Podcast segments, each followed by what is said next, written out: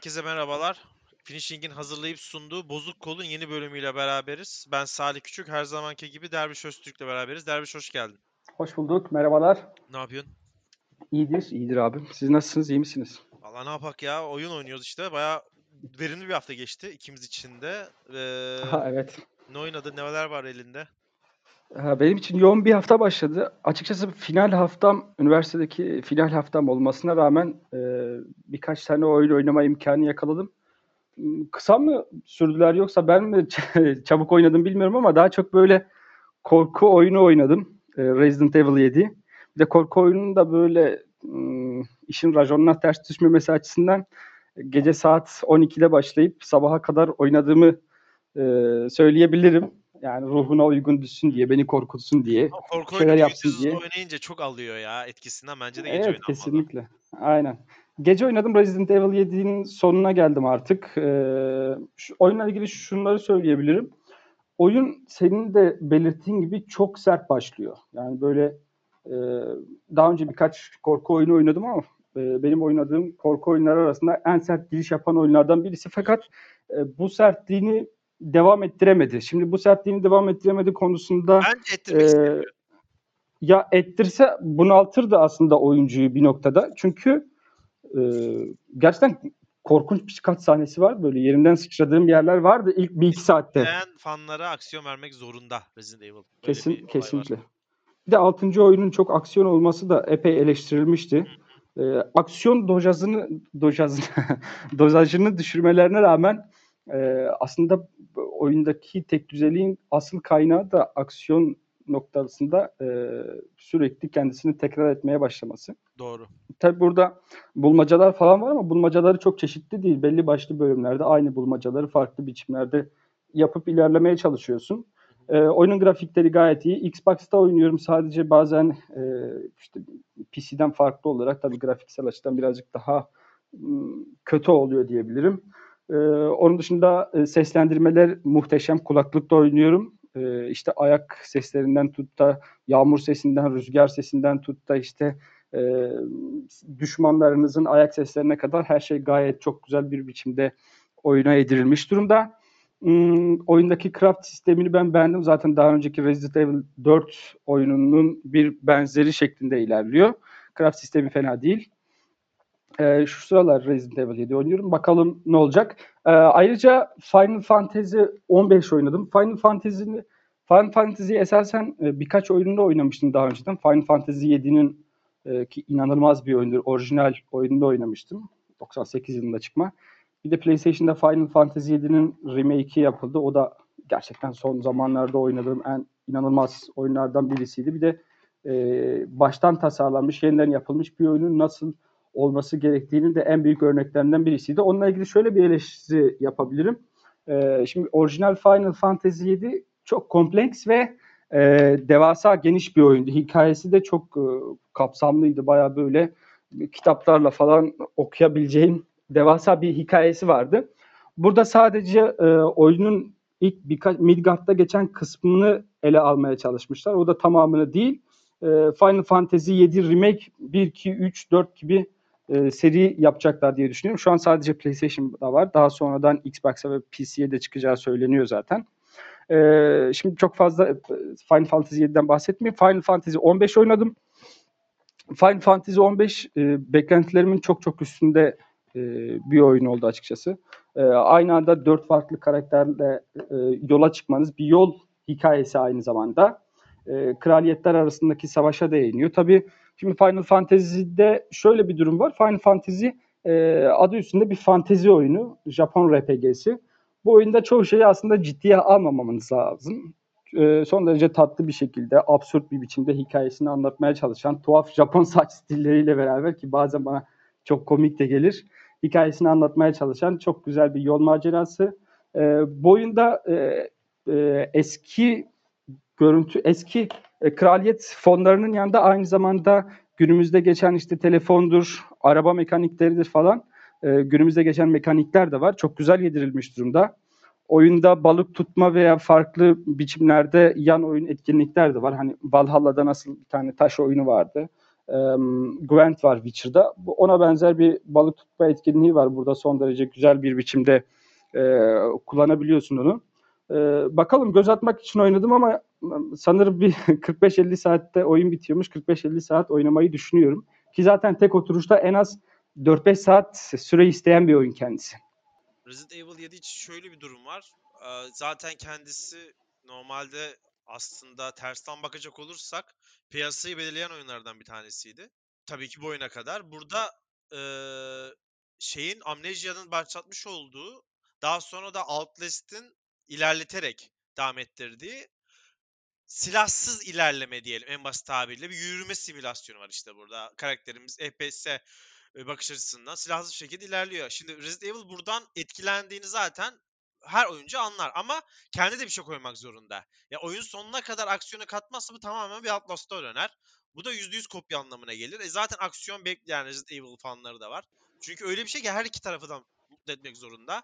Ee, Resident Evil 6 çok aksiyona kayınca gerilim bekleyenler şikayet etti. Şimdi komple gerilim olsa bu ne kardeşim? Ee, nerede biz zombi vuracağız diyecekler. Onun dengesi bence 7'de çok iyi gitmiş ama evet, evet. bir yerde katılıyorum. Aksiyon e, süresi uzadıkça da Astro'yun kendini tekrar etmeye başlıyor. E, bu sebeple de orada kendi kendine çelme takmış oluyor. E, bende de The Messenger yarıda bıraktım olmadı. E, ve sonlara doğru giderken yarıda bıraktım. Çok eğlendiğim anlar oldu. Çok sıkıldığım anlar da oldu. Çünkü ben çok tekrar düştüğünü düşünüyorum oyunun. Aynı yerleri bir daha bir daha oynamak, geri gitmek, ileri gitmek her ne kadar 8-16 bit açılsa da hani o şeyin oynana nasıl desem buna oynanış çok bence kendini tekrara düşüyor artık. Bir süreden sonra size verilecek size verilen upgrade'ler oyun ortasında tamamlanınca bir süreden sonra hep aynı aynı aynı. Beni sıktı ve ben çok nadir yaptığım şey oyunu sildim bitirmeden. Senatoryum'a başladım. Bu benim ayıbım. Senelerce bu kadar büyük bir başyapıt oynamamam. Yani 99 senesinde böyle bir oyun yapmak çok açık söyleyeyim akıl dışı bir şey. Ee, 22 sene olmuş hala oyunu oynarken o grafiklere rağmen eskiyen oyun sistemi point and click oyunu bu arada. Akıl dışı bir şey. Gerçekten inanılmaz bir şey. Ya benim ayıbım oyunu yarıladım. Tat, böyle 30 dakika 30 dakika oyunun bitmesin diye. Müthiş bir tat. Ee, bir şey bir sormak istiyorum tabii, sana tabii. burada ya. Şimdi point and click oyunlarında çok fazla mekanik beklememek lazım yani. Ne olduğu belli bir oyun. Sen burada akıl dışı dedin oyunla ilgili. Acaba hikayesi mi böyle akıl dışı yapıyor kendisini yoksa oynanış mekanikleri falan mı? Oynanış mekaniği çok eski zaten. Ee, ya şeyle e, mouse'un sağ tuşuyla oynayabiliyorsunuz. Ben şu ana kadar klavyede evet, herhangi evet. bir düğme kullanmadım zaten. Ama evet. metinlerdeki cümlelerin dolgunluğu, e, o sağlam kelime seçimleri, her ya küçük bir esprinin bile aslında çok ciddi bir hüzne dönüşebilmesi veya hüznün altında bir espri çıkabilmesi bana çok güçlü yazılmış. Kalemi çok güçlü oyunun. Ee, hmm. Mesela ben genel hani şey olur ya e, hepimizde artık bir refleks olmuştur oyunlarda. Yani özellikle AAA oyunlarda bir makale bulduğumuzda, oyun içinde bir yazı bulduğumuzda çok önemli değilse title'lar okur geçeriz. Her şeyini okumayız yani onların. Önemli bir şey var şöyle bir göz atarız. Burada oyunun ilerleyişini etki etmeyeceğini bilsem de bütün diyalogları okuyorum. Karakterlere gidip konuşuyorum. İnanılmaz hoşuma gidiyor o benim. Ve burası nereye bağlanacak gizemi hala 22 senede korumuş. Yani ben niye buradayım? Nereye gidecek? Bunlar kim? Burada neler oluyor? Şey olur ya o bana çok hissettirdi. Bu arada bilmiyorum hani hala hikayenin olacağını. Rüya birden rüya başlar ve rüya nasıl başladığını bilmezsiniz. Biz rüyaya nasıl gittiğimizi aslında biraz da öğrenmeye çalışıyoruz gibi. Şu an tamamıyla artık şu moddayım. Nereye bağlanacak bu güzel hikaye? 22 sene sonra bile oyunun bence hikayesini bu kadar koruyabilmesi ya şahane bir deneyim. Ee, bir daha tekrarlayayım. Benim ayıbım, benim ayıbım olmuş senatoryum bu kadar geç oynamak. Blair Witch oynadım. 5-6 saatlik bir e, oyunu var. Kendilerini Layers of Fear 1-2'den de tanıdığımız Polonya firmasının ee, yine bir yürüme simülasyonuna dönen oyunu. Fakat burada daha çok cutscene girebiliyor. Daha güzel bir hikaye anlatımı var. Fakat burada da şöyle bir hata yapmışlar derviş. Son bir buçuk saati sanırım Layers of Fear'daki kodları copy paste yapıp yani sağa dönüyorsun kapı, sola dönüyorsun kapı, o da değişiyor filan. Ben şunu düşünüyorum. Bunlar kendilerinin yaptığı veya kendilerinin bulduğu fikre aşık olmuşlar. Normalden fazla aşık olmuşlar ama. Evet bu Layers of Fear 1'de tuttu. Tamam güzeldi de çok beğendim. Layers of Fear, Layers of Fear 2 muhteşem bir fiyasko. Hiç olmamış bir oyun. E, çünkü birin tamamıyla aynısı hatta bazı şeyler daha da geri gitmişti. Burada da evet fena değil dediğin anda yeniden son 2 saatte bir Layers of Fear DLC'si gibi görünmek ve oyunun temposunu düşürmesi artık şunu dedirtti bana. Abiler yeter. Hani bu fikir bak saygı duyuyorum. Evet işte bu aslında biraz şeyden de kısma dermiş. Maddi olarak yani aynı şeyi bir daha kullanıyorsun. Mesela bir ev yapıyorsun Evet. sürekli aynı orada mekanı kullandığın için arkana dönüyorsun o da değişiyor. Sola dönüyorsun o da değişiyor ama temel mekanik aynı. Senin paradan da kısmına yardımcı oluyor. Tamam onu kabul ediyorum ama 3 oyundur aynı şeyi yaptıktan sonra da insan 8 tane bir haftada 8 tane Far Cry oynamış gibi hissediyor. Ya bu sebeple de ya yeter dedim. Umarım bu formülü bir daha kullanmazlar. Bu arada Son- kendi formül kendi formüllerine aşık olma konusunda haklı olabilirler. Çünkü bu yürüme simülasyonu olarak tabir ettiğimiz şeyde öncü olabilmeyi başardılar. Küçük bir firma olmalarına rağmen. Evet ama e, oyuncular çok çabuk sıkılırlar böyle şeylerden ve Layers of Fear 2'nin yorumları olsun. Amnesia'nın yorumları, devam oyununun yorumları olsun ve Outlast 2'nin devam yorumları olsun. Artık oyuncuların bu türden sıkıldığını açıkça belli ediyor. Evet başta Amnesia gibi oyunlar çok mutlu etti. Outlast da mutlu etti. Bu arada Amnesia'nın da öncesi var aslında. O Evet. evet. gezecek olursak ama yeter. Bu Battle Royale konuşmuştuk. Onun gibi artık insanlar yeter diyor. Son Evet. olarak da Derviş birazdan da bahsedeceğiz. Star Wars Jedi Fallen Order oynadım. Yani eh ben millet kadar yükselemedim. Millet kadar yükselemedim. Ee, şöyle söyleyeyim sana map sistemi büyük bir rezalet. Hiç kullanışlı değil. O map'i açtığında bütün ya bir defa bir sürekli çevirmek için işte analoglarla left right yapıyorsun. Nereye gideceğini tamam bunlar hadi bunları yaptın diyelim. 3D hologram bana hiç kullanışlı gelmedi ve oyunun alışana kadar ilk 3-4 saatinde ben defalarca kayboldum. Durmadan Peki bu holo hologram sistemi acaba oyunun e, doğrusu Star Wars evreninin ruhuna uygun düşmesi açısından mı tasarlanmış yoksa Olabilir. baya böyle olabilir. O zaman da sana şöyle söyleyeyim. Mekan tasarımları ve birbiriyle, birbiriyle bağlantıları bence çok daha akışkan bir şekilde Hmm. yapılabilirdi. Çünkü e, şöyle söyleyeyim. Bir bölümü 45 dakika oynadınız. Ve 53. dakikada ulaşmanız gereken bir checkpoint yeri var. Geçiyorsunuz aynı yerlerde. Yanlışlıkla bir yere girerseniz sizi başa atıyor. Ya böyle birkaç e, shortcut yer var ve o 4-5 section'ı bir daha geçmeniz lazım. Ona geçerken bir süreden sonra sıkılmaya başlıyorsunuz. Çünkü orayı zaten geçmişsiniz. E, yanlışlıkla bir yerde e, meditasyon yaptıysanız bütün zaten düşmanlar respawn oluyor. Bunlar beni çok sıktı. Bu arada oyunun ikinci bölümünde daha akışkan buldum ben oyunun yani ortadan sonraki kısımları. Görev dizaynımı çok daha akışkan çünkü ilk 6-7 saat hep şu moddaydı. Bir görev yeri var oraya kadar git. İşte gidiyorsun, gidiyorsun, gidiyorsun ve hani bir yerde Tomb Raider oynuyorsun, bir yerde Uncharted oynuyorsun, bir yerde e, Dark Souls oynuyorsun, bir yerde Half-Life oynuyorsun. Hep özgünlük yok. Evet ya hep bir oyuna tanıklık ediyorsun. EA Games olunca Respawn da bu arada benim beğendiğim bir firma. Titanfall 2'yi çok severim. Benim beklentilerim daha fazlaydı. İyi bir oyun. E, eş- geçmiş Battlefront facialarına göre iyi bir oyun. E, ama hiç yenilik yok. Hiçbir şey katılamamış. Vasat'ın biraz üstü diyeceğim ben. Hikayesinde de son 30-40 dakika çok güzeldi. Ondan iyi güzel olduğunu burada hiç söylemeyeyim. E, bir fan, bir fan service olayı var. Ben severim böyle trikleri. Ama onun Evet. dışında baktığımda da filler bir Star Wars dizisi gibi. Hani senaryo Ben- gelmedi bana. Evet, ben de aslında sonunu pek beğenmedim. Çünkü sondaki karakter böyle sonuçta sonuç olarak Star Wars evreninin en e, imza karakterlerinden birisi ve böyle durup dururken hiç edilmesine mesela bir türlü tahammül edemiyorum kendisinin. O zaman şöyle diyelim. ya pek spoiler vermek istemiyorum ama ben yani böyle dediğine katılmıyorum. Bence tam aksine hakkı verilmiş gibi geldi bana da. ya bilmiyorum. Ben Ben kendisine ben çok hakkının verildiğini düşünüyorum. Çünkü zaten sizin ya e, hatta şöyle söyleyeyim en hakkı verilen anlardan bir tanesi. Yani Hmm. senin aksini düşünüyorum burada ben.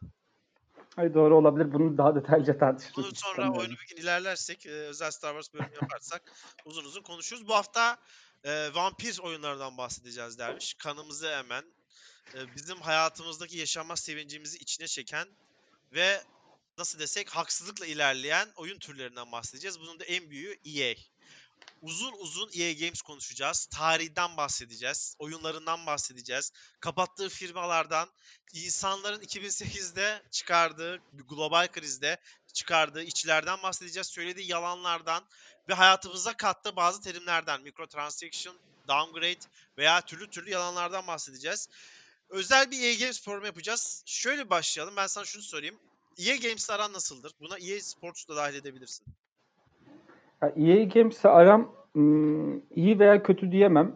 Ee, ama kötü demem için çok sebep var fakat ben EA Games'in bütün oyunlarını böyle oynamadığım için ya E, Ubisoft olsa mesela Ubisoft'un oyunlarını oynamaya çalışıyorum. Çünkü gerek fiyat e, performans açısından EA Games'ten e, bence Türkiye çapında çok daha öndeler. Mesela oynanabilirlik açısından da çok daha öndeler. Fiyat performans açısından da çok daha öndeler. Ulaşılabilirlik açısından da çok daha öndeler. Çünkü mesela bir konsol sahibi olmayan bir adam e, bilgisayarda onu sadece Origins'le oynayabiliyorken işte bir Ubisoft oyununu e, Steam'de veya Epic'te falan ulaşıp oynayabiliyordum ki kendileri de şu sıralar zaten e, kendi platformlarını oluşturup Steam'de Steam'e falan da geçtiler yakın zamanda. Bu noktada artık daha fazla oynanabilirlik seviyeleri arttı fakat e, EA Games'le e, aramdaki sevgi muhabbetini şöyle açıklayabilirim. Birkaç oyundan ibaret. E, en sevdiğim e, daha doğrusu en güzel araba yarışı oyunlarından birisi olan Need for Speed ki o, güzelliği de gerilerde kaldı diye düşünüyorum. Çünkü son çıkarttıkları oyunlar gerçekten güzel olmaktan bir hayli uzaklar. E, güzel oyunlarını da artık e, geçen şey çıktı ya Hot Pursuit'in e, yenilenmiş versiyonuyla tekrardan karşımıza çıkarttılar. Fakat orada da pek fazla böyle geriye götüremediler bizi. E, Need for Speed oyununu severim. Titanfall 2'yi severim. Titanfall 2 kendilerinin de en iyi oyunlarından birisidir. Mekaniklerini de zaten senin bahsettiğin Star Wars oyununda da bol bol kullanmışlardı. E, belli başlı FIFA oyunları her ne kadar FIFA'yı eleştirsek de gerçekten FIFA'da bizim e, popüler kültürün en önemli ögelerinden birisi. E, sosyalleşme en iyi en önemli sosyalleşme araçlarından birisi. Ee, kesinlikle oyun dünyasına kattıkları azımsanacak seviyede değil fakat bu kazandıkları gücün e, nasıl biçimle bu kazandıkları güce nasıl eriştikleri de tamamen tartışma konusu. Biz de bugün onu tartışacağız. Ee, evet tabiri caizse günahları sevaplarından fazla diyebileceğimiz firmalardan bir tanesi. Aktif Kesinlikle. olarak şu an oyun firmaları da e, maddi güç olarak ikinci sıradalar. Activision, ardından ki Activision Blizzard birleşmesinin ardından ona kadar da uzun süre birincilerde. Ee, istersen Derviş 3-4 dakika ben bir tarihçesinden bahsedeyim. Sen notum varsa eklersin. 1982 tamam. yılında Trip Hopkins tarafından kuruluyor. Trip Hopkins de EA Games'i kurana kadar bir Apple çalışanı. Babasından 5000 dolar borç alarak hep kafasında ilerletmek istediği spor oyunları özellikle bir NFL hastası. NFL üzerinden yürüyüp aslında bunu hatırlarsan e, şeyde de vardı bu Netflix'teki High Score'da evet, evet. bahsediyordu. Sürekli daha gerçekçi, real time'a yakın, biraz da 3D ruhunu hissettirecek bir oyun yapma üzerinde kafayı kırmış biri. E, Trip Hopkins bu yazılım üzerinde artık e, takıntı derecesinde çalıştıktan sonra EA'yi kuruyor ve aslında normalde adı Amazing Software olarak amaçlı düşünüyor. Fakat daha sonra arkadaşlarıyla yaptığı istişareden sonra Electronic Arts isminde karar kılıyorlar. Hatta bir ara şey olmuş. Electronic Artist mi koysak, Electronic Arts mı koysak diye. Ama çalışanlar biz artist değiliz. Ee, bizim yaptığımız hani artistlik değil. Ee, esas artistler software kısmında olanlar. Ee, onun hakkını onlara verelim deyip arts kısaltması yapmışlar. Ve e, en başta uzun bir süre software yazılımı üzerine çalışıyorlar. Amiga için çalışmalara başlıyorlar ve Deluxe Paint adında bir çizim programı üretiyorlar. Bu program çok tutuyor.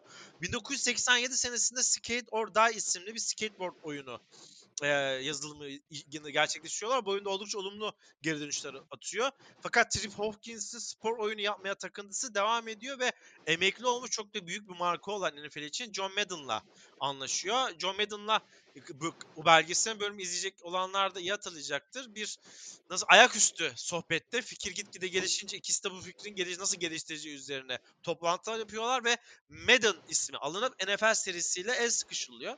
1988 senesinde FA 18 e, Interceptor Flight Simulator oyunu gerçekleştiriliyor. Ve 1990 senesinde de aslında EA'in en büyük atımlardan birisi Nintendo için yavaş yavaş konsol oyunları üretimi başlıyor. 90'larda şöyle bir şey oluyor Derviş. Trip Hopkins gidiyor. 3DO ile anlaşıyor. 3DO da dönemin oyun konsolları yapan firması. Bunu kuruyor hatta 1990 bir senesinde ve 94 senesine kadar sürü e, yani hem ikisiyle e, çalışırken de 3 sene boyunca 91 4 94 arasında EA Games'teki e, görevi devam ettiriyor ve 94'te EA'den ayrılıyor. Fakat orada da şöyle bir şey var. Bu kendi kurduğu 3DO 600 dolara satılıyor. Son yani şu an düşündüğünde bile gayet komik. evet ya 600 dolar falan. Ve o dönem daha sonra etkisi yılları kasıp kavuracak PlayStation e, 1994 senesinde piyasaya giriyor ve aynı senede Sega geliyor. Onların fiyatlarının ucuzluğu daha ulaşabilir ulaşabilir olması 3DO'nun batışına ve iflasına neden oluyor ve böylece Trip Trip Hopkins'in hem EA macerası hem de 3DO macerası sonlanmış oluyor.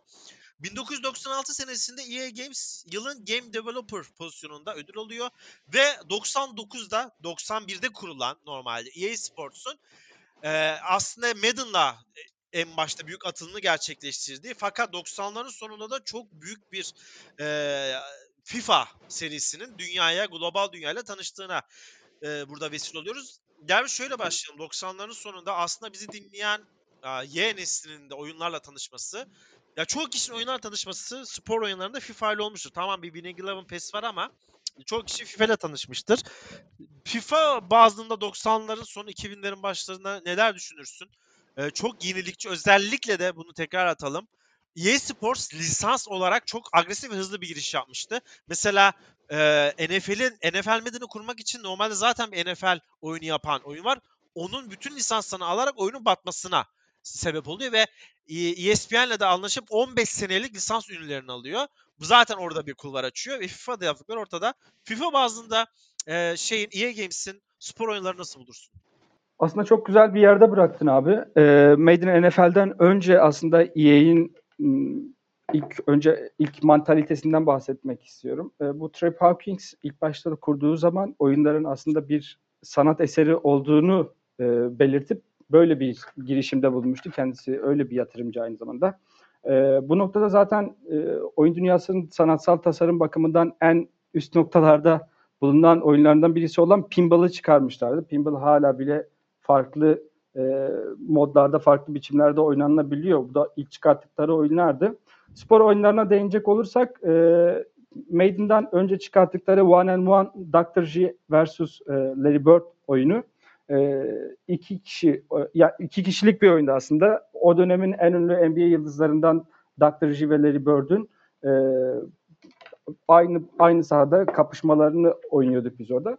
Orada çok güzel olumlu eleştiriler aldıktan sonra zaten kendileri Maiden'a e, yönelmeye başladılar. Zaten Maiden'dan sonra oyun dünyasında e, spor oyunları bakımından çok farklı kapılar açılmaya başladı. Sponsorluklara imza atıldı, anlaşmalar yapıldı çok farklı şimdiki bizim mikro ödeme sistemine gelebilecek yolu kendisi oluşturdu aynı zamanda onu.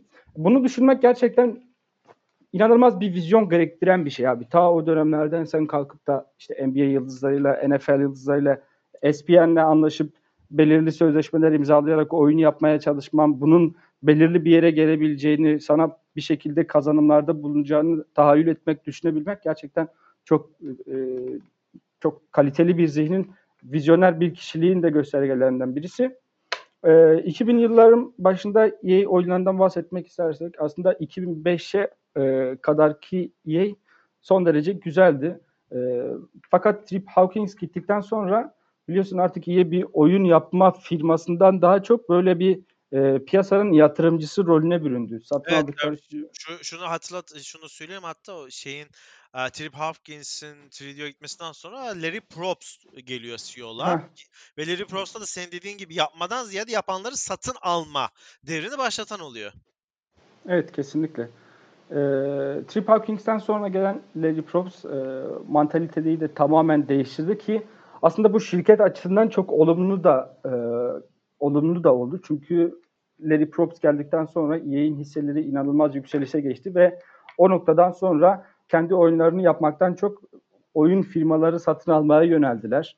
E, bu noktada artık bir oyun yapma e, şeyinden çok, e, şirketinden daha çok oyun üreten fabrikaya dönüştüler. Çünkü dört bir koldan satın aldıkları firmalar bir yandan onlara Sims'i üretiyor, bir yandan Ultima'yı üretiyor, bir yandan Dragon Age, Camelot gibi oyunları üretiyor, bir yandan e, Dungeons Keeper oyunlarını üretiyor.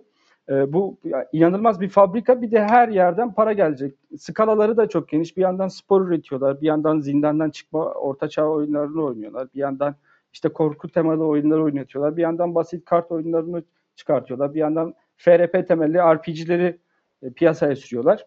E, inanılmaz bir para birikti ki 2000'li yıllarda e, belgeselde de izlemiştik biz. E, Higgs diye Netflix belgeselinde. O belgeselde de 2000'li yıllarda inanılmaz bir yükseliş e, trendinde oyun piyasası.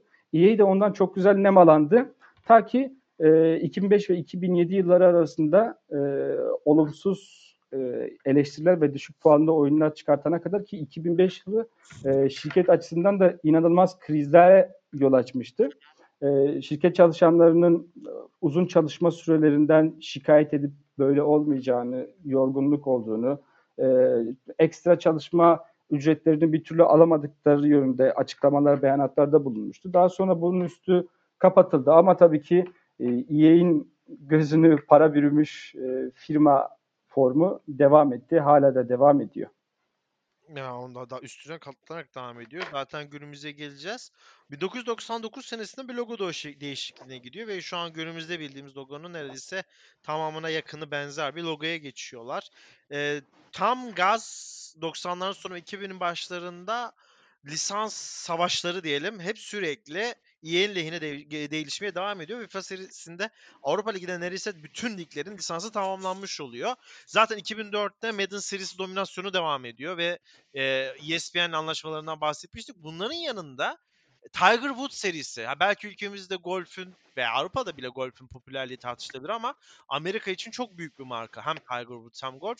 Ee, Tiger Woods da sıkışılıyor. NBA Live serisi ya o da yandan e, telif sorunlarını hallediyor ve Madden, FIFA, NHL, NBA derken biz burada EA'in sport kısmında çok büyük bir dominasyon görüyoruz. Genel elektronik arsa baktığımızda da Medal of Honor serisinin e, İkinci Dünya Savaşı babında özellikle Allied Assault oyununun çok büyük bir marka olduğunu ki daha sonra oradan ayrılanlar Call of Duty'yi kuracak. Call of Duty'den ayrılanlar yeniden gelecekler Titanfall'u falan kuracaklar. Orada bayağı uzun bir zaten macera var. Böyle bir Medal of Honor markasına imza atılıyor. Senin dediğin gibi Need for Speed eskiden iyi bir oyundu. E, şu an belki çok basat ve durgun bir oyun olarak hatırlıyor olabiliriz ama Need for Speed serisi e, Derviş bu arada belki ikimizin de ya benim hiç oynamadığım bir oyun. E, tür olarak çok uzak olduğum bir oyun. Senin bilmiyorum oynadın mı ama delileri var. The Sims serisi. E, yine EA'nin imza işlerinden bir tanesidir. E, Command Conqueror e, EA'nin imza işlerinden biri olarak tarihe geçti. Ve bunların yanı sıra bahsedeceğimiz aslında bunlardan maalesef negatif olarak bahsedeceğiz. Mass Effect, Dead Space gibi diğer franchise'larda gireceğiz. Şöyle bir şey oluyor. 2006 senesinde EA ile Nokia işbirliği yapıyorlar ve telefondaki oyunların bazıları EA ile Nokia e, patentli çıkması üzerine imzalar atılıyor. Bu da çok yani şu anki e, Apple neyse o zamanlarda dinleyiciler hatırlayacaktır. Nokia oydu. Nokia. Çok büyük bir imza. Ve 2007'de de John Riccitiello dönemi başlıyor ve EA'nin 3. CEO'su. Burada olay şu dermiş. Biraz da senin dediğin gibi işte Trip Hopkins döneminde her ne kadar çok büyük imzalar atılsa da hep alttan şöyle bir serzeniş var. Şirket beklendiği gibi kar elde etmiyor mu? Evet. Ee, soru işaretleri var. Daha sonra ikinci CEO döneminde de yine aynı soru işaretleri, aynı hep mızmızlanmalar. İşte Larry Prost'ta da ölü oyun yatırım hep orada. Ya ölü oyun derken şundan bahsediyoruz. Oyun aldın ve bittin. EA sürekli şunu yapmak istiyor. Canlı oyun nasıl yapabiliriz? Hep sürekli para ödenen. Aslında bu bir vizyon mudur yoksa bir şeytanlık, iblislik midir? Bunu programın sonunda konuşuruz. Ama EA sürekli bir şeyler deniyor. Kıpır kıpırlar. 2007'de Battlefield 2142, Command Conqueror, Harry Potter, Need for Speed Carbon gibi oyunlar Mac'e de, Macintosh'a da çıkarılacağı açıklanıyor ki bu da oldukça geniş bir adım sayılır. Hem Windows hem Mac'e e, oyun tabanlı bir gelişlet, genişletme süreci başlatıyor diyebiliriz ve 2008 yılında belki de oyun piyasasındaki en büyük imzalardan biri atılıyor. EA Take-Two'dan hisse satın alıyor.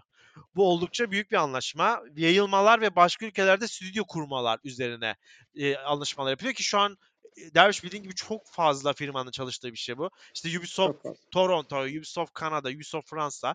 O zamanlar yayın başlattığı bir şey. Ve 2008 yılında yine aynı senede dünyada neredeyse her ülkede hissedilen global krizde EA 1100 kişi işten çıkarıyor. Ama işten çıkarırken de çok büyük fiyaskolar imza atılıyor. Bazı kişiler tazminat davası almadığını söylüyor. Bazı kişiler overtime parası almadığını söylüyor ve nice işte NBA Live FIFA çıkarırken veya Medal Honor çıkarırken yapılan ekstra çalışmaların ücretinin ödenmediğine dair çeşitli dedikodular çıkıyor ve bu ışıklar altında istersen günümüze gelelim 2010 ve sonrasına gelelim. Aslında hepimizin her aslında hepimizin değil EA'in de en büyük skandallarının olduğu döneme. Derviş sana şu soruyu sormak istiyorum. EA Games yani EA Games derken EA Sports'u da katabilirsin, Electronic Arts'ı da katabilirsin. Ee, oyuncular üzerinde denediği bazı ameliyatlar var. Bazı operasyonlar evet. var. Mesela microtransaction olayı. Ee, Star Wars'ta bunlardan bahsedebiliriz. Darth Vader almak için işte para ödemeniz lazım. Veya e, Anthem'den bahsedebiliriz. Yalanlar var, downgrade'ler var. FIFA'da işte kart olaylardan bahsediyoruz. Bu tür devam eden canlı oyun tarzına sen destekliyor musun böyle söyleyeyim. Çünkü senle benim bizim uzak olduğumuz bir şey bu. Oyun içi para harcama olayı. Yani FIFA oynuyorsak biz sezon kariyer modu açar işimize bakarız. Veya Star Wars oynuyorsak şeye bakarız. Onun bir single'ı var mıdır? Var. Kaç saat abi? 6 saat. Oynarız. Multisini 1-2 saat bakarız. Tamam deriz çıkarız. Genelde böyle yaklaşıyoruz oyunlara. Ve oyun içi ödemeler bizim çok ilgi alanımıza girmez. Peki ilgi alanımıza girmemesi burada eleştiri yapmayacağımız anlamına geliyor mu deyip böyle başlayalım. 2010 sonrası EA dönemine. Ya şimdi bana bu soruyu soruyorsun ama ben oyunları standart versiyonları haricinde satın almayan bir kişiliğe sahip olduğum için aslında. Zaten bu, olay orada. Bizim bu gözle nasıl baktığımızda bence önemli. Çünkü evet belki o tür oynamıyoruz ama tüketiyoruz. Yani orijinal EA oyunu alıyoruz sonuçta Steam'den, orijinal evet. Evet evet kesinlikle. Ya ben e, aslında mantalitem şu şekilde bir oyunu aldıktan sonra e, oyun sana her şeyiyle kendisini sunmalı, kendisini sana açmalı ekstradan işte bir bölümü geçebilmek için veya rekabetçi bir oyun oynuyorsan başkalarının çok daha rahat bir biçimde eleyebilmek için e, senden para istememesi gerekiyor. Bu zaten rekabetçi ahlaka da aykırı bas parayı bölüm geç e, sistemi kesinlikle benim e, etik kurallarıma da tamamen aykırı bir sistem. EA maalesef bunu e, çokça yapan firmaların başında geliyor ki artık bu birincisi. E, birincisi evet FIFA'da, Need for Speed'de hatta e, şeyde Star Wars'ta, Star Wars'ta o kadar eleştiri alındı ki bildiğiniz üzere Star Wars Battlefront 2'de yapılan mikro ödeme e, oyunculara avantaj sağladığı için bazı ülkelerde yasaklandı. Daha sonradan da EA e, geri adım atıp onu tamamen e, oyun içi satın alımları askıya almıştı. Evet. Bu noktada kendileri de aslında ne halt ettiklerini biliyorlar. Biliyorlar Çünkü, tabii ki de biliyorlar. E, ama maalesef bir de şey var. Hmm, bir fakir oyuncu var bir de zengin oyuncu var. Burada da insanın doğasına eğilmek durumundayız. Ya da ee, şöyle bazı, bir şey var. E, bazı insanlar fakir oyuncu var bir de babasının annesinin kredi kartını çalabilen oyuncu var. evet o şey vardı ya YouTube'da. Merhaba arkadaşlar bugün sizlere beleş oyun almayı göstereceğim. Evet. Babasının kredi kartıyla 2000 liraya oyun alıyordu. Beleş. O zaman devam şöyle yapalım senle şuraya. Madem hani artık yayın dönemine girelim. Ben sana skandalları tek tek tek tek gidelim. Ee, şu, 2010 dönemi sonrası Andrew Wilson dönemi başlıyor. Sen her zaman programda bahsettiğimiz, kendi aramızda da konuştuğumuz EA'in karanlık dönemi. Buna e, Dark Side Wilson'da diyorlarmış bu arada bu döneme. EA'in e, bir türlü kar marjının beklentilerinin üstüne çıkamamasından dolayı eleştiriler üzerine Andrew Wilson getiriyor. Andrew Wilson'da döneminde Pepsi'de ve, ve, ve başka firmalarda çok major firmalarda CEO, CEO deneyimi olan bir isim. Ve şu an konuştuğumuz bütün iblis fikirler Andrew Wilson'dan çıkıyor. Tek tek skandalları e, ben söyleyeyim sen yorumunu yap. Madem Star Wars dedin Star Wars'la başlayalım. İki tane skandalımız var. Birincisi Battlefront evet. 1, bir diğeri de Battlefront 2. Battlefront 1'deki skandal ne? Single player olacak deniyor ve daha sonra single player modu yok. Direkt multiplayer geliyor ve multiplayer'da bazı karakterlerin skinini açmak için gameplay kasmanız lazım. Ama para verip aldığınızda bu skinlere sahip olabiliyorsunuz. Seneler sonra evet. gelen devam oyununda da yani Battlefront 2'de de milleti susturmak için 4-5 saatlik yüzeysel bir single player modu getiriliyor ve oyuncular multiplayer modunu oynadığında dipleri düşüyor. Çünkü çok beğeniyorlar, çok rekabetçi bir sistem var, her şey gayet iyi. Fakat birkaç gün sonra şu anlaşılıyor ki Luke Skywalker veya Darth Vader gibi son derece majör ve seri için o e, evren için önemli karakterlerin skinini almak için, kıyafetlerini almak için para ödemeniz lazım. Ya da bir görevi yani. defalarca kez yapmanız lazım. Bu da hesapladıkları yaklaşık olarak 80 saate tekabül ediyor. Yani oturup bilgisayar başında 3 gün, 3,5 gün oynayacaksınız ki Darth Vader kostümünüz olsun. Kıyametler kopuyor. Yani ortalık evet. karışıyor. Ve daha sonra da senin dediğin gibi EA askıya alıyor. Star Wars rezalet hakkında ne düşünüyorsun diyelim ve daha sonra madde madde diğer skandallara gidelim. Tabii bu hoş bir şey değil. Zaten az önce de belirttiğim üzere parayı bas, bölümü geç veya parayı bas, e, daha güçlü Sen karakter al. Andrew Wilson mantalitesi. Darth Vader'ı parayla satar mıydın? Sen bana onu söyle. Yani yapmazdım herhalde ama Ben konu EA olunca yani EA çünkü e, oyun dünyasının bilindiği üzere en çok eleştirilen e, firmalarından birisi. Neden eleştirildiği de gayet açık değil mi abi? Böyle oyuncu düşmanlığı yaptığı için işte oyun oynayanları bezdirmeye çalıştığı için yani 80 saat insan Darth Vader kostümü için oyun oynamamalı yani. Ben oyunu sonuç olarak e, bir vakit geçirme aracı olarak düşünüyorum. Tamam böyle rekabetçi oyunların işte multiplayer odaklı oyunların, online oyunların yükselişte olduğu bir dönemdi. Belki de e, kullanıcıların davranışlarından ötürü böyle bir e, harekette bulunmuş olabilirler ki e, fena da bir gelir elde et, etmediler buradan. Fakat tabii ki de e, 80 saati bir oyunda insanı tutmaya çalışmak bir kostüm için oyun düşmanlığı. E, ben şeye değinmek istiyorum. Sen demin e, iyi bir sürü şey denedi ve denediklerinden bazen de vazgeçiyor. İstersen ben EA'in satın alıp daha sonra kapattığı stüdyolardan bahsedeyim ve ve e, bizim de maalesef oynamaktan mahrum olduğumuz birkaç tane de oyun var burada. Onlardan bahsedeyim. Liste epey kabarık. Çok. Sabırla dinleyecek misin bilmiyorum ama ben yine tek tek söyleyeyim sana oyunlarla beraber.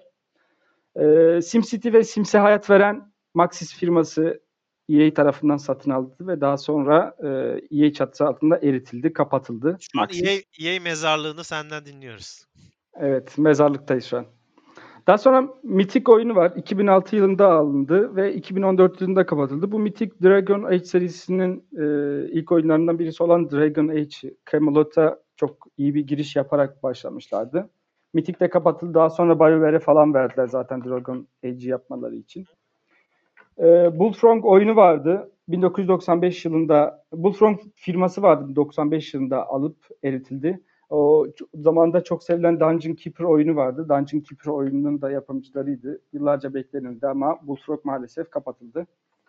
Origin vardı. Efsane oyun e, Ultima'nın yapımcılarıydı kendileri. EA tarafından yutuldu. E, Westwood Studios vardı. 98 yılında satın alındı. E, 2003'te de ipleri çekildi maalesef. Burada e, Westwood Studio gerçekten oyun dünyası için çok önemli olabilirdi. Çünkü Command Conquer oyununu yapmışlardı. Evet. Hala bile e, niş bir kitleye sahip kendisi. E, DreamWorks abi DreamWorks da kapatıldı. Aslında e, Medal of Honor'u yapmıştı DreamWorks. E, evet. E, Medal of Honor e, çıktığı zamanlarda e, FPS döneminin FPS'lerinin bir hayli altında kaldı. Kötü bir oyun olarak ağzımızda kötü bir tat bıraktı. Daha sonra EA affetmedi. DreamWorks stüdyosunu da kapattı. E, polemik var abi. Speedforce oyununu e, serisini yapan bir firmaydı. Speed Wars da gerçekten kendisine ait bir kitlesi olan son derece güzel bir oyundu. Daha sonra senin de çok üzüldüğün firmalardan birisi olan Pandemic var listede. Büyük ee, pandem Pandemic e, döneminde satın aldığında epey sükse yaratmıştı. Daha sonra Saboteur oyununu falan yaptılar fakat 2008 yılında maalesef o krizden nasibini almış firmalardan birisi oldu. Ve belki de beni en çok üzen firma e, Visceral Games, Dead Space'i yapan firma kapatıldı. Bu Dead Space'in kapatma süreci zaten başlı başına bir rezalet. Ya çok Sen iyi verdin. Şu an ben Star Wars'tan sana bunu soracaktım çünkü. Dead Space serisini evet. çok severim. İlk iki oyununda özellikle ilk oyunun hastasıyım. Fakat burada Dead Space 2'nin ve 1'in satış rakamlarını EA daha da yükseltmek için böyle hani şey olur ya bilmeyen bir dede gelir, babamız gelir böyle eski nesillerden. Bana oğlum bana bir film aç böyle aksiyonlu, vurdulu kırdılı. EA resmen burada Dead Space 3'e öyle bir muamele yapıyor. Diyor ki daha çok satsın. Vurdulu kırdılı bir şey yapın. Boş yerin gerilim belli satmaz bunlar deyip ya o, ya o seri bilenler bilecektir. 1 ile 2 nere? 3 nere? Saçma sapan bir oyun haline gelmiş. Ve malum 3. oyunda satmayınca çünkü 3 oynayanlar 1 ve 2'yi beğenip o serinin fanları. E, onu evet. oynuyorsunuz. E 3'te satmayınca Visceral Games'e veda diyoruz. Ya Dead Space'i batıran EA Games'tir ya başka biri değil. Şimdi şimdi aynı ekibe e, Dead Space benzeri bir oyun daha evet. yaptırıyorlar abi. Evet. Çünkü Dead Space o, oyun dünyası için gerçekten çok özel bir seriydi ve boşluğu gerçekten belli oluyor. Çünkü bilim kurgu temelli korku oyunları çok fazla çıkmıyor. Korku oyunları bildiğin üzere belki e, bazen Resident Evil oyunları falan çıkıyor ama tamamen artık indie firmaların tekelinde olduğu için Tabii. E, aslında Dead Space gibi bilim kurgu temelli bir korku oyununu oynamak isterdim. E, şimdi üçüncü oyun neden rezaletti? Üçüncü oyun inanılmaz teknik problemlerle beraber geldi. Ya mesela tamam bir oyunun teknik problemi çıkabilir. E, bunun üzerine git bir düzeltmeye çalış ne bileyim özür dile bir şeyler yap. Dördüncü haklısın, oyunda şey bunu yap. düzeltiriz de Evet. tamamen firmayı kapatmak ne demek yani? Bu nasıl bir çılgınlık abi? Bana para getirmeden o zaman defol git. Git. Mezarlıkta. Mezarlığa defol git. Demek inanılmaz bir şey yani. Bunlardan başka üstüne konuşabileceğimiz spor dünyasından iki tane skandalı var. Birincisi NBA Live'ın batışı. Oyunun kesinlikle Evet. üstüne bir şey koymadan ya işte lisanslar aldık kafamız rahat. Ya bir yerde şey modundaydı dermiş yani kim ne nereden üçlük atarsan şut falan giriyordu. Öyle saçma sapan mekanikler hiç inandırıcı olmayan Space Jam'e benzeyen artık bir oynanış sistemi. Zaten 2K orada tokatladı ama sonra 2K'nin geldiği hali konuşmaya bile gerek yok. Şu an zaten basket oyunu olarak büyük bir kriz var. Ve FIFA. FIFA'dan bahsedelim biraz. Normalde iyi bir FIFA severim. Ee, oynar, oynardım da. En son 2020'yi oynadım ve oyunun geldiği hal içler acısı. Yani şöyle. Sadece lisansı alalım ve işte e, arkaya iki tane takımların e, grafikleri futbolcularına özenelim. Sonra da abi boş verin esas siz gelin Ultimate Team takılalım tarzında bir oynanışa dönmüş. Ee, oyun Ya- içinde mekanikler zaten momentum olayı çok büyük bir şikayet. Hiç ben bu arada denemedim çok fazla ama 20'de artık insanlar match sisteminden ve oyunun sürekli sana para harcatmasından isyan etme moduna gelmişler. Hani kendi level'ından çok üstte biri gelebiliyor, seni tokatlıyor, seni para harcamaya veya daha çok oyun oy- oynatmaya itiyor. Bunlar herkes şikayetçi. FIFA serisinin e, ve EA Sports'un geldiği durum da eskiden düşünecek olursak bayağı işler acısı gibi. Ya bu foot sistemi zaten inanılmaz bir şey. Yani şöyle bir şey düşün abi. Her sene bir oyun çıkarıyorsun ve her sene en baştan kadronu tasarlayıp her sene en baştan aynı paranın birkaç misli daha fazlasını harcamaya çalışıyorsun. Burada da ben aslında kullanıcıların davranışını bir türlü anlayamıyorum ama e, tam zevkli noktaları olabilir ama yani gerçekten e, zaten FIFA oyunu bizim ülkemizde belli. EA'in davranışı belli. Tamam 2017 yılında futbol daha doğrusu oyun dünyasının en büyük açıklarından birisi olan böyle e, oyun temelli bir hikaye oyununu olan e, Alex Hunter'a e, giriştiler. O inanılmaz bir yenilikti. Benim çok çok hoşuma gitmişti ki bence oyun dünyası böyle gol filmi olurdu ya eskiden. Gol filmi gibi bir oyuna ihtiyacı da var. Orada onu yapmışlardı fakat daha sonra e, 4 sezon boyunca Alex Hunter'ı yapmaya çalıştılar. Orada sona erdirdiler. E, belki tamam Alex Hunter versiyonu için para verip alabilirdin ama daha sonra işte en son geçen sene Şampiyonlar Ligi ile de anlaşıp onun da hisselerini aldılar. PlayStation e, PES'in de sözleşmesi bittikten sonra. Şöyle yapıyorlar mesela Şampiyonlar Ligi edisyonunu ayrı satıyorlar. Bilmem işte Evet. bütün premium'u ayrı satıyorlar. Ya oyunu sat bana Şampiyonlar Ligi'nde oynayabilir. Niye ben Şampiyonlar Ligi için ekstra para veriyorum? Sen onun zaten sözleşmesini almadın mı? Bak yine yine PES vicdanlıydı o dönemde. Bize hiçbir zaman böyle şeyler yapmadı yani. Doğru. Copa Libertadores'ini, işte Avrupa Ligi'ni, Şampiyonlar Ligi'ni hepsini bayağı böyle çok güzel pekleyip bize veriyorlardı yani. Burada her şeyi paraya dönüştürme yoluna baktıkları için yani nereden nasıl kazanabiliriz yoluna giriştikleri için burada yine e, yolunu buluyorlar ki zaten 2020 yılının da en çok satan birinci veya ikinci sırada olacak. Belki GTA daha yüksekti ama e, FIFA yine üst sıralarda NBA konusuna gelecek olursak NBA Live'ın batması en son e, 2019 oynadım. 2020'de zaten oyunu çıkartmadılar. E, 2018 ve 2019'u ben zaten e, Xbox'taki Game Pass'te de olduğu için şu an her ikisi EA Access üyeliğiyle beraber ikisini yakın zamanda tecrübe etme imkanı da sağladım. E, kesinlikle ama kesinlikle hiçbir fark yok. E, sen NBA'ye şey yaparsan FIFA muamelesi yapıp aynısını iki yıl üst üste şey yaparsan ki üstüne bir de 2K gibi inanılmaz bir rakibin varken e, bocalama ve piyasadan silinmen al meselesi olur. Nitekim öyle de oldular. E, yakın zamanda çıkarırlar mı bilemiyorum fakat e, şeyin 2K'in de- tarafında da işlerin Çok bir hayli kötü olduğunu biliyoruz.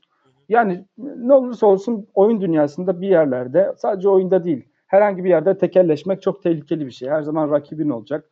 Rakibin seni daima daha iyi olmaya zorlayacak. Sen onları zorlayacaksın. Rekabetten de güç doğar yani. EA skandalları bitmiyor. Ee, Need for Speed'in sürekli tekrara düşmesi ve oyunun artık hiçbir şey vaat edemeyecek derecede. Hem oynanış olarak hem arcade sistemi olarak hem senaryo olarak tükenmesi Need for Speed'de de neredeyse 10 senedir hatta 15 senedir de diyebiliriz. İyi satış rakamları gelmemesine sebep oluyor. Medal of Honor'dan sen bahsettin. Aynı şeyi de tekrarlamayacağım. Mass Effect Andromeda'da çok büyük skandallar imza attı. Hepiniz hatırlayacaksınız. Ee, özellikle seri yakından takip edenler o mimikler hani o oyuncuların, karakterlerin olmayan mimikleri, donuk sistemleri, oyundaki bitmek bilmeyen baklar eski Mass Effect'lerin başarısına gölge düşürecek derecede kötü bir devam oyunu oldu. EA bu arada ilgili hiç açıklama da yapmadı uzun bir süre. Bu da bana çok enteresan geliyor. Her ne kadar son bir ayda, iki ayda yerin dibine soksak da CD Projekt Red'i adamların el ayağına dolaşmış durumda. Belki de çok iyi el ayağına dolaşmış numarası yapıyorlar. Ya Ama ben bir noktada da üzüldüm. üzüldüm de kendilerine biraz yani ya. açıklama yapıyorlar, patch vereceğiz, bedava DLC vereceğiz işte e, size havuz vereceğiz, simit alacağız, bir şey yapmayın falan. Yani EA'de hiç böyle bir şey yok. Biraz da Evet. Battlefield 5'in fiyaskosundan bahsetmek istiyorum. Battlefield 5'te şöyle bir şey oluyor dermiş. Ee, hepimizin malumu çoğu kişinin ortak düşüncesi Battlefield 1 başarılı bir oyun. Yani single olarak da iyi bir tat bıraktı ama esas multiplayer olarak ki bence en büyük özelliği Birinci Dünya Savaşı'ndan bunu başarabilmesi güzel bir şeydi. Kesinlikle. Çünkü ben İkinci Dünya Savaşı'na çok meraklı biri, biri olarak artık ben bile yeter demiştim İkinci Dünya Savaşı hikayelerine. Birinci Dünya Savaşı'ndan dönüp farklı cepheler görebilmemiz, farklı ülkeler aldığına savaşabilmemiz çok iyiydi. Ee, fakat 5. oyunda biraz SCV dalgasına, biraz oyunun renklerinin değişmesi, tonun değişmesi çok büyük bir geri dönüşe sebep oldu ve oyuncular, özel Battlefield'in muhafazakar oyuncuları şunu söylediler. Battlefield 1'in çizgisinden şaşmayın. Ve akıllarda hep aslında baktığım formülize olarak çok iyi bir formül var. Çünkü Battlefield 1 zaten tutmuş. Birinci, Birinci Dünya Savaşı konsepti var. E, beşinci oyunda da İkinci Dünya Savaşı'na dönüyorsan hayli hayli satması lazım. Oyunun e, şey firmanın CEO'su Andrew Wilson şunu söylemiş. Biz böyle oyun yapacağız. Beğenmeyen almasın. Pardon. e, bir tane oyunun başındaki evet yazılımcılardan bir tanesi söylüyor ama oldukça yetkili biri söylüyor bunu. Bir Reddit'te yazışma sırasında söylüyor. Ve oyun ilk çıktığı hafta Battlefield 1'in %60'ı kadar daha az satıyor ki sonra hatırlarsınız çok çok kolay EA'de görebileceğiniz bir durum değildir. Birinci ayında %50 indirime falan girmişti Battlefield 5. Hala da satış rakamları olarak çok kötü yerlerde. Son olarak Evet. da benim notlarımda Derviş e, sen de bundan bahsedeceğin %100 eminim. Belki de son 5-6 yılın en büyük fiyaskolarından Anthem, Anthem serisi, Anthem oyunu. Aslında bu seri olarak düşünüyordu. Fakat artık bu iş yatmış gibi görünüyor. BioWare 7 sene boyunca oyunu geliştiriyor. Ben burada BioWare nasıl böyle bir oyun çıkar demiştim. Ama biraz tırtıklayınca internette videolar, çeşitli belgeseller, işte makalelerle görüşünce adamların hiç suçu yokmuş. EA süreci başından sona kadar o, o kadar kötü yönetmiş ki. Ee, devam Evet. etmeyen, işte yarıda bırakılan single görevler, daha sonra bug'lar, verilen vaadetler, her şeyin parayla yine satılması planları, bundan vazgeçilmesi gelen tepkilerden sonra oyunun tanıtılırken verilen sözlerin tutulmaması ve durmadan kendini tekrar eden yüzlerce görev Anthem çok büyük bir fiyaskoydu. Ayrıca yönetim tarafından da inanılmaz bir baskı var kendilerine. Oyun Evet. yapım sürecine bile karışabiliyorlar. Her Şey var ya, aynen aynen. Şey vardı ya, e, Diktatör diye çok absürt bir film vardı Amerikan evet, yapımı. şey, Orada General Alaaddin'in şeydi, e, ne derler ona, bilim adamlarından birisi bir tane füze yapar. Der ki bu füzenin başı çok yuvarlak, düşmanları korkutmaz, bunun ucu birazcık daha sivri olsun de. Hı hı. Ve kendisi de sivri bir füze üretmek için tekrardan bir şeyler yapmaya çalışır. Sivri füze yapar fakat füze küçük olur. Yönetimi yine beğenmez. Bu defa yaptığı füzeyle adamı öldürmeye çalışırlar. evet.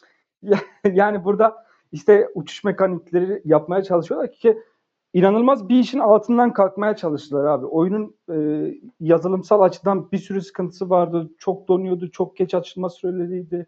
E, inanılmaz problemlerle beraber geldi fakat burada yönetimin e, uçuk kaçık taleplerinin de e, burada çok etkili olduğunu söyleyebilirim. Anthem'in ben aslında güzel çıkmasını isterdim çünkü e, BioWare bu aksiyon işinde e, çok fazla tecrübeli olmamasına rağmen daha önce yaptığı birkaç oyunda kendisini kanıtlamış bir e, oyun firmasıydı. Onlar da bir noktada cezalandırılmış gibi duruyorlar fakat bir şekilde altından kalkabilirler mi bilemiyorum. E, Anthem bir seri olarak düşünüyor dediğin gibi. O da daha önce mezarlıklara gönderilen diğer oyun firmaları gibi, diğer oyun firmalarının oyunları gibi, nice efsane oyun gibi Derviş e, hiç bir şekilde oyun. O kadar hızlı öldü ki oyunu konuşan Evet. bile yok. Kesinlikle. Bitti yani abi çok. Mesela Titanfall.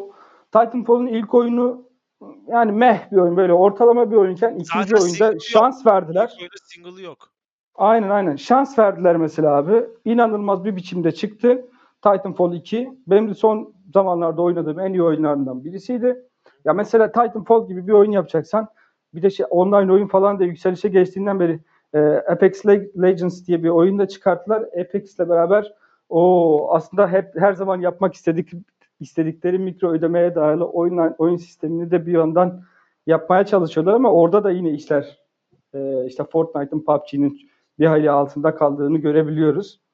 E, yani Zaten son bu kadar. bakacak olursak da son 5-6 senede EA'nin markasını temizlemeye çalışan tek tarafın Respawn olduğunu söyleyebiliriz. Yani Titanfall 1'de normalde kendileri single modu yapmak istiyor. Zaten ekip çok iyi. Bu işi bilen, Call of Duty'de çalışmış. Hikaye anlatımına sahip kişiler. Fakat EA orada evet. bir anlaşmazlığa düşüyorlar ve Titanfall 1'in satış grafikleri pek iyi gelmiyor. Titanfall 2'deki single kısmı bence çok iyi. Fakat burada da yine iyi büyük bir skandalı imza atıyor. Bu oyunu Battlefield 1 ile aynı anda çıkarıyor. Ya bu inanılmaz bir ah. şey. Muhteşem bir muhteşem bir salaklık. Ee, buna rağmen işte Apex Legends oldukça başarılı görünüşler oluyor. Yine bunun altında Respawn imzası var. Ve benim programın başına biraz çemkirdim ama EA'nin genel şablonuna göre bakacak olursak da oldukça iyi bir e, ürün gibi duruyor. Star Wars Jedi Fallen Order'da 10 milyon üzerinde bir satış başarısı ve çok iyi olumlu geri dönüşler alarak yine Respawn imzası altında EA'ye bir artı puan daha yazıyor. Hani şöyle genel olarak baktığımızda Respawn olmasa EA'nin tamamıyla %100 negatif bir pozisyonda olacağını da söyleyebiliriz gibi değil mi? Ya şu sıralar zaten böyle bir karizmayı yukarılara doğru kaldırmaya çalışıyorlar. Çünkü artık evet. çıkarttıkları oyunda özellikle mikro ödeme sisteminin olmadığını belirtme gereği duyuyorlar. Bu da çok komik bir durum ve düştükleri vaziyeti de çok güzel açıkladılar. Star Wars'u çıkarttıklarında hatırlıyorsun en büyük reklamlarından birisi mikro ödeme sisteminin olmamasıydı. Evet. Yani bunu ya koymadık diye kocaman e, afişlerle ba- bağırmadıkları kaldı. Bence Star Wars Jedi Fallen Order'ı ben bu arada başarılı olmasını ve sayısal olarak, rakamsal olarak, ekonomik olarak tutmasına çok sevindim. Çünkü EA şuna inanmıyor. Bir single oyun satamaz, para kazandıramaz. Böyle bir şey yok. Son 4-5 senede özellikle hani God of War'lar, Red Dead Redemption 2'leri falan veya bir Detroit Become Human'ın, Spider-Man'in bir satış rakamlarına baksınlar. E, o, bunlar Hı-hı. single oyunlar. Bunlar tamam Red Dead Redemption 2 online geldi ama daha yeni yeni geliyor. Şu ana Aynen. kadar sattıklarına baksınlar. Single oyun ne kadar kazandır bir görsünler.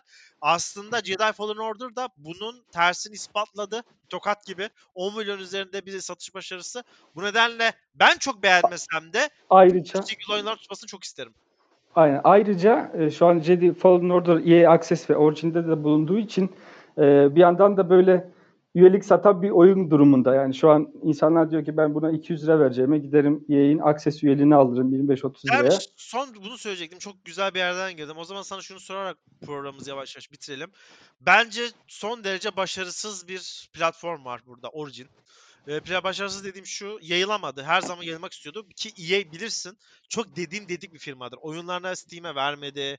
E, zaten yani Epic falan çok küçümsemişti başta. Benim oyunlarım orijinali çıkacak dedi. Oraya kendi sistemi getirdi. Ama şöyle bir sorun var.